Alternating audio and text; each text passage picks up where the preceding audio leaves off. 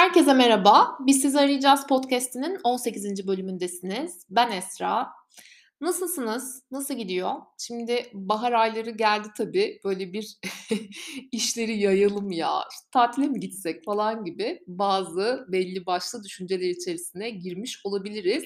Ama zaman zaman da sanki bu geçiş döneminden mi diye düşünüyorum. Böyle melankolik süreçlere de girebiliyor insan diye, düşünüyorum açıkçası en azından kendi deneyimimde. Umarım bu da bu geçiş süreci gibi geçici bir durumdur. Şimdi bugünkü konu iş yaşam dengesi. Ve iş yaşam dengesine ben nasıl karar verdim? Eee, yine böyle her podcast'in başında anlattığım gibi paylaşayım sizlerle. Geçen hafta bir arkadaşımla buluşacaktık. Saat böyle akşam işte iş çıkışı hani 7 gibi falan. Daha sonra da böyle 6.20 geçe gibi arkadaşım beni aradı ve Esra ben gelemiyorum çünkü bir iş yapılması gerekiyormuş ve çok acilmiş Eee, ve bu sebeple de hani eee, buluşamayacağız dedi ve eee, kızcağız eee, hani o kadar çok böyle hazırlanmıştı falan ki böyle bir sürü işte konuşuyoruz, şunu yaparız, bunu yaparız, bayağıdır görüşmüyoruz falan. Ve sonuç itibariyle ben bu durumu yadırgamadım. Çünkü aslında o daha önce de benzer şeyler yaşamıştı ki benim de kendi hayat tecrübemde bu, bu tarz şeyler özellikle kurumsal hayatta çok fazla olduğu için gerçekten eee, böyle bir bu konu konuşulması gerektiğini düşündüm. Bir de süreç olarak birazcık daha uzaklaştığım için açıkçası bu tarz konular beni daha çok rahatsız etmeye başladı. Hani dışarıdan bakan bir e, göz olarak ve e, genelde de bu bu arada çok konuşulan bir konudur. Yani hani kült bir konudur o iş yaşam dengesi falan diye kocaman harflerle başlıklarla e, yazılır çizilir ya özellikle iş dünyasında. Ben bugün açıkçası bu konuya biraz daha farklı bir perspektiften bakmaktan yanayım. Biraz daha çalışan tarafından bakmaktan yanayım açıkçası. E, çünkü gerçekten ciddi dertlerimiz var ve e, ekonomik koşulların da iyice ağırlaşmasıyla beraber e, başka birçok faktörün de tabii ki etkisiyle birazdan paylaşacağım. Bu konu gittikçe artan bir hale geldi ve iyice mutsuz bir toplum, mutsuz çalışan olmaya doğru gidiyoruz, ilerliyoruz diye düşünüyorum açıkçası. Şimdi insan şöyle bir oturup düşündüğünde iş hayatını böyle bir gözden geçirdiğinde bir durup düşünüyor yani. Hani her şey ne kadar güzel başlamıştı değil mi arkadaşlar? Yani üniversiteden böyle mezun olduktan sonra hani işte benim çocuğum büyü çocuğum büyüyecek, işte büyük insan olacak falan e, amacına ulaştık ya biz hani o analarımızın, babalarımızın amacına ulaştık. İşte ilk adımları attık. Sonra vatana, millete hayırlı birer evlat olarak bizden bizden beklenen o büyük hayalleri hani gerçekleştirdik. E, sonrasında da işte böyle o mini mini birler, çalışkan ikiler olarak okul hayatından çıkıp iş hayatına girdiğimizde masum bireyler olarak e, bizler e, yine fabrika ayarları bozulmuş organizasyonlara girdik ve diğer e, fabrika ayarları bozulmuş bireylerle karşılaştık, karşı karşıya geldik.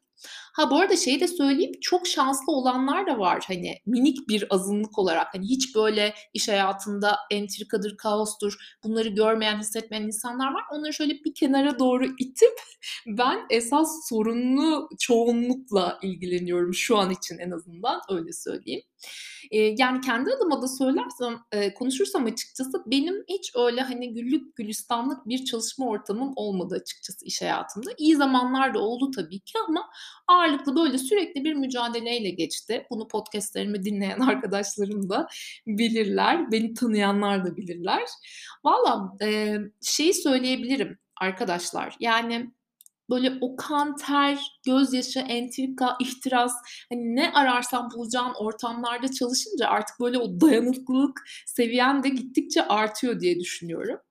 Eee, bir yandan da şöyle bir geriye dönüp baktığımda, yani yıllar geçtikten sonra şeyi görüyorum. Ya ne oldu? Ne oldu? Nasıl biz bu hale geldik diye insan bir düşünüyor açıkçası ya da nasıl ben bu hale geldim diye bir soruyor insan kendine dönem dönem. Yani o hani hevesle başladığımız günler neden geride kaldı diye düşünüyoruz. Çünkü arkadaşlar bunun bence en büyük cevabı artık işlerimizde anlam bulamıyoruz. Anlam çok önemli bir şey. Bağ kurmamız için zaten gere gereken çok çok önemli bir şey. İnsanın insanın yaşam amaçlarından biri zaten anlam bulmak. Hepimiz kendimizi gerçekleştirmenin peşindeyiz. Bunu birçok podcast'te de söylüyorum. Bunun için de anlam bulmaya ve bağ kurmaya dediğim gibi ihtiyaç var. Yaptığımız işlerin eğer içleri boşaltılırsa ve değerlerimize uygun olmayan işlerde ve şirketlerde çalışırsak mutsuzluğumuzun üzerine her gün kapatırsak bir yerde tükeniriz zaten. Ya işte benim paraya ihtiyacım var, işte taksitlerimi kim ödeyecek, ondan sonra e, kim işte hayal ettiğim arabayı alacak, çocuğun okul taksidi ne olacak falan gibi düşünceler içerisinde sürekli sürekli üzerini kapatıyoruz ama esas mesele bu değil arkadaşlar e, pazartesi günleri sonra azaba dönüşüyor. Kendimizi o işe mahkum hissediyoruz. İşin içindeki anlamı göremiyoruz, bulamıyoruz. Dolayısıyla da tükeniyoruz bir noktadan sonra. Tükenmiş bir sizinle, sizle kimse çalışmak istemez. Bir kere zaten hani çalışmayı e, geçtiniz, hayattaki varlık sebebinizi e, sorgulamak durumunda kalırsınız. Farkındalık çok önemli bu sebeple. Lütfen yardım alın eğer böyle bir noktaya geldiyseniz. Size gelip hani benden yardım alın demiyorum yani bir kariyer danışmanı olarak ama hani e, bu böyle kendi reklamını yapma falan şeyleri de hiç hani sevmem ve açıkçası çok öğrenemedim de bunu. Ee, ama şeyi demek istiyorum. Benden ya da X birinden hiç fark etmez. Lütfen yardım alın. Profesyonellerden yardım alın. Yani şeyi söylemek istiyorum özellikle ben. İşte ne bileyim sigara içiyorsunuz alkol kullanıyorsunuz ya da işte ara, arabanın benzininden hani işte belli bir oranda e, bir harcama yapıyorsunuz. E, ya da işte ne bileyim 15 tatilde o zorlayarak tatillere gidiyorsunuz bir şekilde. Çoluğun çocuğun isteği vesaire oluyor. E, birazcık böyle oralardan bir yerlerden kısıp bir kendinize yatırım yapma peşinde olmanızı tavsiye ederim. Ya da bunu belki de şirketinizden talep edebilirsiniz. Kişisel gelişim alanında olur, eğitim tarafında olur, bir danışmanlık, profesyonel danışmanlık alma konusunda olur. Yani hayat önceliklerinizi sıralamanız bu konuda çok çok önemli. Neler senin için çok değerli? Nerelerde sıkıntıların var? Sıkıntı gördüğün yerlerde çözümsüz mü kalıyorsun? Bu konuda engelin ne? Bunları insan oturup düşününce içinde bulunduğu ruh halinden dolayı e, bir şey olamayabiliyor, bulamayabiliyor, alt alta sıralayamayabiliyor. O yüzden diyorum yardım alın. Şimdi işinden mutsuz olan, anlam bulamayan ve iş yükü sebebiyle çalışma saatlerinin bitmek, tükenmek bilmediği, stresle birlikte tükenme durumuna giren milyonlarca beyaz yaka var arkadaşlar. Bu sorun sadece Türkiye'de değil, dünyada da hakim bir sorun. Yani çok büyük bir sorun ve soru işareti. Soru işareti diyorum çünkü gerçekten çözmekte zorlanıyoruz. Peki bunun sebepleri neler olabilir? Birazcık buralardan söz etmekte fayda var diye düşünüyorum. Çünkü aklımızda o zaman iyice oturacak. Zaten 3 aşağı 5 yukarı e, tahmin edebiliyoruz ama hani bunun altına doğru indikçe, iyice derinleştikçe farklı konular da ortaya çıkabiliyor. Neler bunlar bu sebepler? Birincisi ekonomik sebepler. Yani özellikle Türkiye'de bir kişiye 3 kişinin işini vermek artık çok geleneksel bir şey. Yani işverenler Hani maliyetten düşelim ne olacak canım falan diye. E, o da işte o işi yapar. Geçiştirip e, bir şekilde iş yükünü bindirdikçe bindiriyorlar üzerimize. Yani görev tanımımızın dışında da bir sürü iş yapıyoruz. Mesela şöyle söyleyeyim ben bir İK'cı olarak e, meslek hayatımın içerisinde IT işlerinden tutun da çalışanların ofis siparişlerini vermeye kadar her şeyi yaptım diyebilirim. Özellikle küçük şirketlerde. Ama kendimizi herhalde hani şey diye hissediyoruz böyle bir süre sonra ya işte bu da gelip geçer yani geçici bir süreç herhalde falan deyip empati kurmaya çalışıyoruz. Ya da bunu yapamazsam hani işimi kaybederim falan gibi o öğrenilmiş çaresizlik psikolojisine giriyoruz ve kendimizi bir şekilde ikna edip bu sürecin devam etmesine izin veriyoruz. Şimdi şunu diyebilirsiniz. E hani e, hiç mi paylaşmadın hani ortamda işte üstlerinle ya da yönetimle vesaire? Tabii ki paylaştım. Yani e, birçok şirkette bu arada yani kurumsalda da yaşadığım süreçler oldu. İşte çözülür vesaire şeklinde. Hani biz bir şekilde çözüm bulmaya çalışıyoruz falan dediler ama ben bu sürede zaten çok ciddi bir şekilde yıprandım.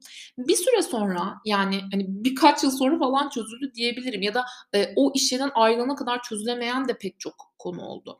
Ve sonuç itibariyle benim tükenmişlik sendromu bir dikilen mum oldu yani bu konular. Ee, yani arkadaşlar hani çözümü başkalarında bulamıyorsanız bir şekilde kendiniz o ortamın içerisinde bulmaya çalışacaksınız. En azından bunun için hani bir mücadele etmek önemli. Hani hemen iş değiştireyim demek doğru değil. Genelde çünkü biz hep hani o tarafa doğru yöneliyoruz. Çünkü e, bulunduğunuz işe bir şekilde emek vermişsiniz. Belki de sürecini iyileştirirsen o işte daha mutlu olmanın yollarını bulabilirsin. Bununla ilgili neler yapabilirsiniz? Yine çözümler kısmında e, paylaşıyor olacağım. Onun dışında kültürel sebepler var arkadaşlar. Yani e, kültürel sebeplerin gerçekten özellikle bu hani denge konusunda çok büyük bir etkisi var iş yaşamımızda, özel yaşamımızda. Türkiye'de şöyle bir şey var. Multitask çalışmak e, tamamen aslında yanlış anlaşılmış bir durum. Hatta bunu da yine Instagram postlarımdan birinde paylaşmıştım. Takip edenler bilir. Multitasking aynı zamanda aynı anda daha doğrusu 2-3 tane iş yapmak demek değildir. Yani birini yapıp biraz ara verip diğerini yapmak demektir. Çünkü şöyle bir şey var. İnsan beyni zaten buna müsait değil. Yani biz insan olarak aynı anda iki işi aynı anda diyorum. Özellikle altını çiziyorum. Yapmaya müsait değiliz ya da yapmaya çalışırsak da kapasitemiz ve potansiyelimiz gittikçe düşüyor zaten. Dolayısıyla e, bize aynı anda pek çok istek geldiği için hani hangisini yapacağımızı şaşırıyoruz çoğu zaman. Çünkü zaten beyin bunu algılamaya hani çok müsait değil. Bir de yani hani 5 tane 10 tane iş aynı anda gelebiliyor. Dolayısıyla bunun için çözüm önerilerini yine e, paylaşacağım ama e, şeyi de söylemek istiyorum. Bir iş geldiğinde yani bir sürü iş aynı anda dediğim gibi geldiğinde e, biraz da biz böyle o toplumun içerisinde de hani şöyle bir şey var yani heyecanlı bir toplumuz biz. O iş bir şey olduğunda böyle ya da bir şeyler böyle geldiğinde bir kaos ortamı olduğunda birden heyecanlanıp alevlenebiliyoruz. Yani o iş genelde hani çok acil oluyor, çok hayati bir önem taşıyor ve e, iki dakika o işi bırakıp hani gidip böyle televizyonda falan ana haber bültenlerine baksanız o işin aslında ülkemizin sorunlarından daha önemsiz olmadığını görürsünüz bir şekilde. Dolayısıyla e, burada birazcık daha sakin olmayı tercih etmek bizim inisiyatifimizde bir durum. Bunun dışında ne var mesela? Üçüncü olarak söyleyebileceğim sistemsizlik var arkadaşlar. En büyük sorun bu, bu. Ülkemizin en büyük sorunlarından biri bu zaten kurumlarda. Şu an gündemden de bildiğiniz gibi. Çok ciddi bir planlı çalışamama hastalığımız var bizim. Yani genetik kodlarımızı işlenmiş bu adeta. Mesela yumurta kapıya dayanınca iş yapıyoruz biz. Yani şirketlerin içerisinde de pek çok otomatize edilememiş, düzenlenememiş o kadar çok süreç var ki. Dolayısıyla çalışanın omzuna çok fazla yük biniyor ve çok fazla manuel ilerleyebiliyor işler. E, hala evet bu yüzyılda da hala oluyor maalesef. Raporlamalar, işte istatistiksel veriler vesaire bunlar hepsi e, demode araçlarla yine insan gücünü ağırlıklı olarak kullanarak e, ilerliyor bir şekilde. Bundan ne zaman vazgeçeceğiz gerçekten bilmiyorum. Şimdi yapay zekadan korkuyoruz ya biz. Hani yapay zekadan korkmamıza gerek yok. Yapay zeka ürünlerini destekleyici ürünler olarak hayatımıza dahil edersek zaten hayatı kolaylaştırmış olacağız. Bundan daha mantıklı bir şey olabilir mi? Yapay zekayı da geçtim yahu. Yani Excel'le yapacağımız işleri iş platformlarına taşımak zaten hayatımızı e, üçte birini ferahlatacak, rahatlatacak. Daha bir kafamız açık bir şekilde işlerimize odaklanabileceğiz. Otomatize etmemiz lazım yani süreçleri. Bunun dışında yöneticilerimizden birazcık bahsetmek istiyorum. Yani süreci delege etmek, ve iş paydaşlarına doğru yönlendirmeleri yapmak yöneticilerimizin işi ya hani. Yani tanımı bu değil mi? İşlerinden bir daha doğrusu. Dolayısıyla bu konuda sorun yaşayan ekiplerde yöneticilerin altyapı eksikliği maalesef çok büyük bir problem. Yani siz iş yükünüzün kaynaklarına baktığınızda mutlaka seçeneklerden biri bir yönetici faktörü oluyor açıkçası. Sizin X bir şirkette böyle çeşitli assessment süreçlerinden geçerek yönetici olmanız demek ve bu süreci başarıyla tamamlamanız demek ekibinizi veya yaptığınız işi iyi yönettiğiniz anlamına gelmeyebilir. Yani ülkenin her yerinde denetim mekanizmasının eksik olduğu şirketlerde e, bu ciddi bir sorun. Yani hani şu anda gündemde zaten liyakatsizlik konusu çok fazla konuşuluyor ya bu şirketlerin içerisinde de ciddi bir problem. Yani en azından değerlendirme süreçlerinde birçok şirkette yöneticilere çifte standart uygulanıyor ve hakkaniyetli ilerlenmiyor ya en azından e, bu bakış açısını bir şekilde değiştirebiliriz. Ben bunu pek çok adayımdan ve danışanımdan geri bildirim olarak alıyorum. Özellikle performans süreçlerinde bir çifte standart uygulaması söz konusu diyorlar. Beni dinleyen şirket yönetimlerine özellikle buradan sesleniyorum. Yani bazen iyi ilişkilerde olduğumuz insanları Size kötü niyetlisiniz demiyorum bu arada. Kötü niyetli olmasanız bile fazlaca tolere edebiliyorsunuz diye düşünüyorum. Bu yüzden profesyonel yaklaşımlara çok ihtiyacımız var. Yani şimdi gidip mesela şey diyebilirim. E, işte hep diyoruz ya e, Türkiye'deki genel algı işte Almanya bizi kıskanıyor falan demeyeceğim yani. Ama sizce de bizim biraz Almanları kıskanmamız gerekmez mi yahu? Yani şu disiplini birazcık hayatımıza, o profesyonelliği, disiplini birazcık daha hayatımıza getirsek. Ne olur ya azıcık kıskanalım yani. Hani şu Alman disiplinini birazcık hayatımıza entegre edelim. Ya ucundan yapsak inanın dünyaları yerinden oynatacağız diyebilirim size. Onun dışında şeyi söylemek istiyorum. Yani iş yükünün tek sorumlusu yöneticiler ve şirket yönetimleri değil arkadaşlar. Tabii ki değil. Şunu söyleyeceğim. Şöyle bir cümle kurmak istiyorum. Esra çalışkan, sorumluluk sahibi bir çalışan. O zaman Esra'ya biz bir sürü iş verebiliriz. Bu algıyı siz yaratıyor olabilirsiniz. Esra'nın bunu kaldıracak kapasitesi var. Algısını gerçekten bir şekilde yaratıyoruz. Eee, Esra, işte, multitask çalışmayı iliklerine kadar becerebilir, koşar, uçar, kaçar, bunu da yapar diyebiliyor insanlar. Sınır çizemiyoruz arkadaşlar. Dolayısıyla da kaygılarımızdan dolayı aslında bir şekilde sınır çizemiyoruz ve kendimizi ifade etmekte zorlanıyoruz. Şimdi bütün bunları şöyle bir düşündüğümüzde neler yapabiliriz? Birazcık bunlardan bahsetmek istiyorum. Birincisi şu. Üzerine seninle ilgili olmayan işler verilmek isteniyor mesela ısrarla. Ve sınır koyamıyorsun. Çünkü seni dışlayacaklarını düşünüyorsun. Çünkü seni sindireceklerini düşünüyorsun. Hatta iş ileri giderse seni işten çıkaracaklarını düşünüyorsun. Ne yapacaksın biliyor musun? Ne kadar değerli olduğunu hissettireceksin ve elini güçlendireceksin. Eğer kendi işini ne kadar iyi yaparsan o kadar elin güçlenir. Şimdi şöyle bir şey söyleyeceğim. Sinan Canan bir konuşmasında şunu diyor.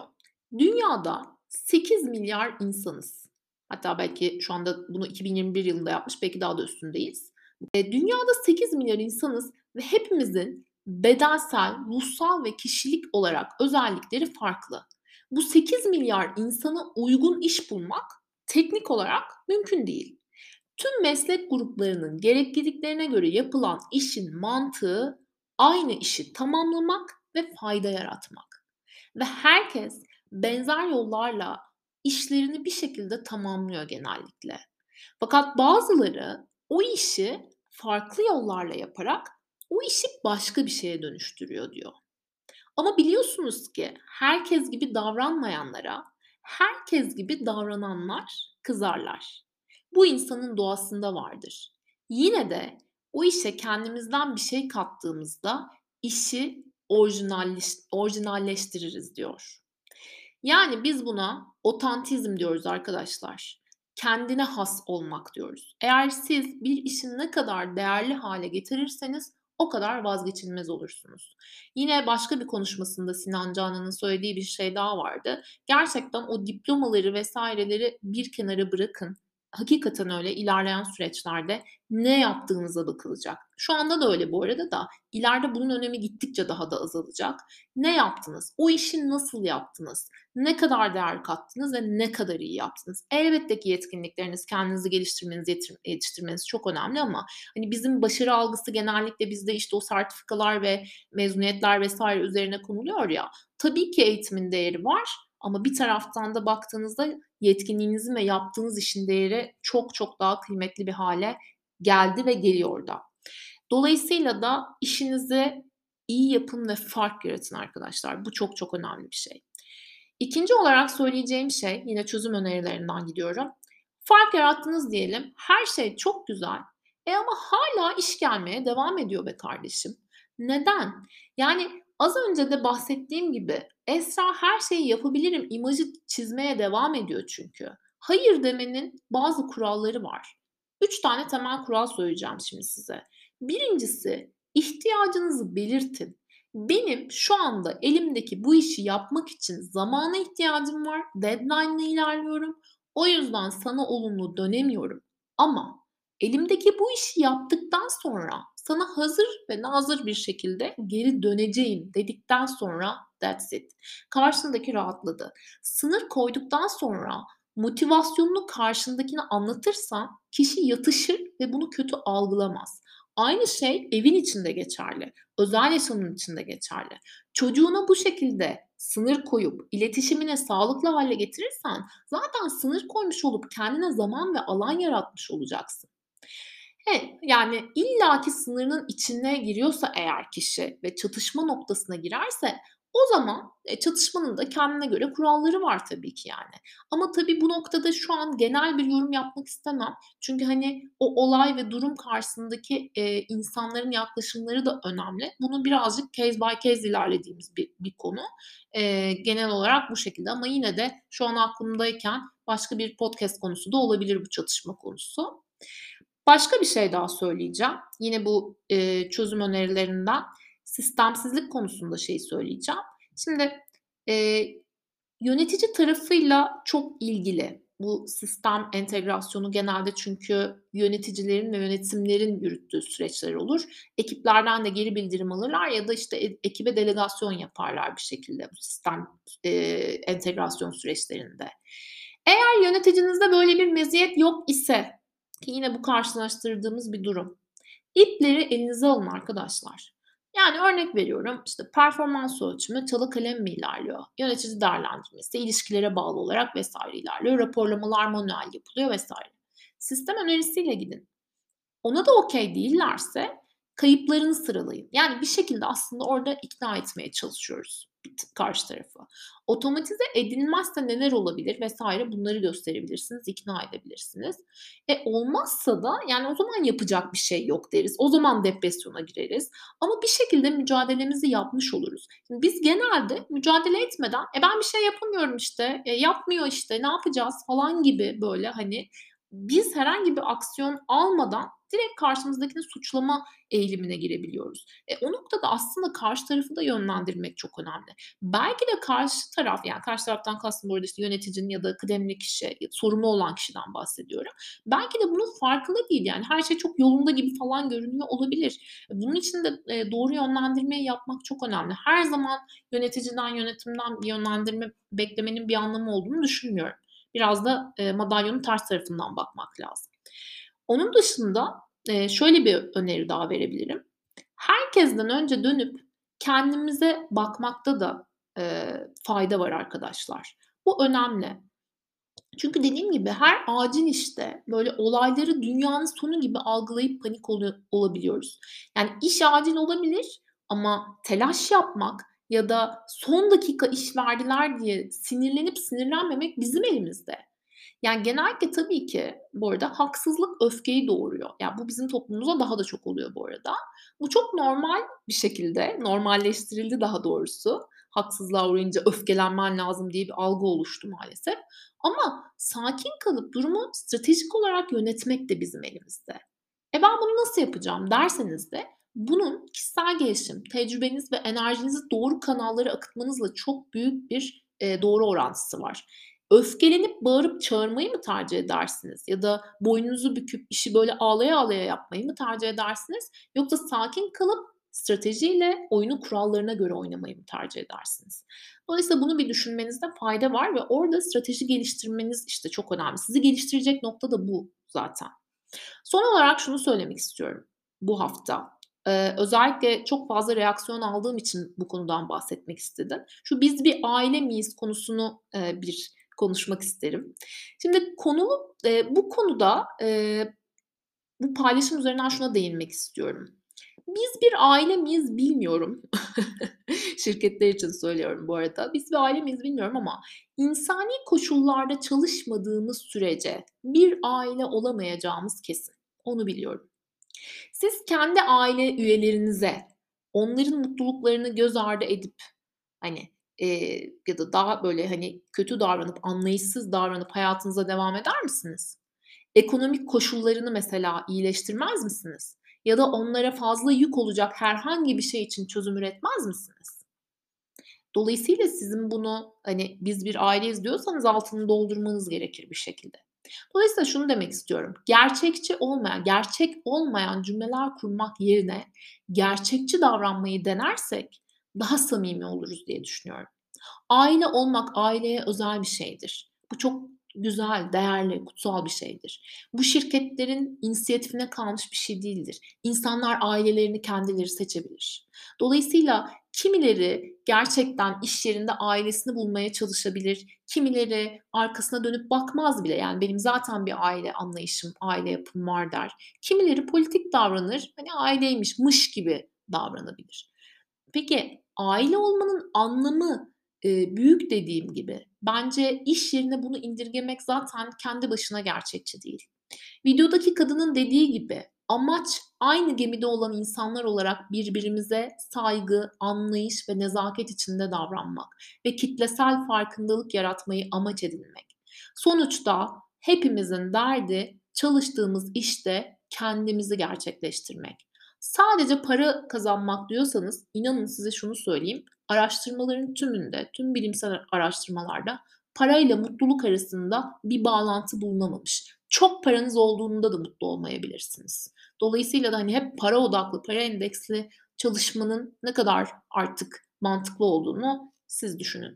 Yaptığınız işte ancak o işte bir anlam bulursanız mutlu olabiliyorsunuz arkadaşlar. Amaç bu mutluluğu, anlayışı ve hoşgörüyü belki bugün 100 kişilik bir şirket, yarın 200 kişilik, sonra binlercesine yayarak artırmak olmalı. Sonra belki ülkemizde artan bu hoşgörüsüz ve gergin ortamı bir şekilde yumuşatabiliriz. Bir kültür değişimine sebep olabiliriz beyaz yaka olarak. Alın size bir anlam daha. Bir gün eğer istersek birleşe birleşe kazanabilir ve dünyayı hoşgörüyle daha iyi bir hale getirebiliriz. Bir sonraki hafta görüşmek üzere. Hoşçakalın.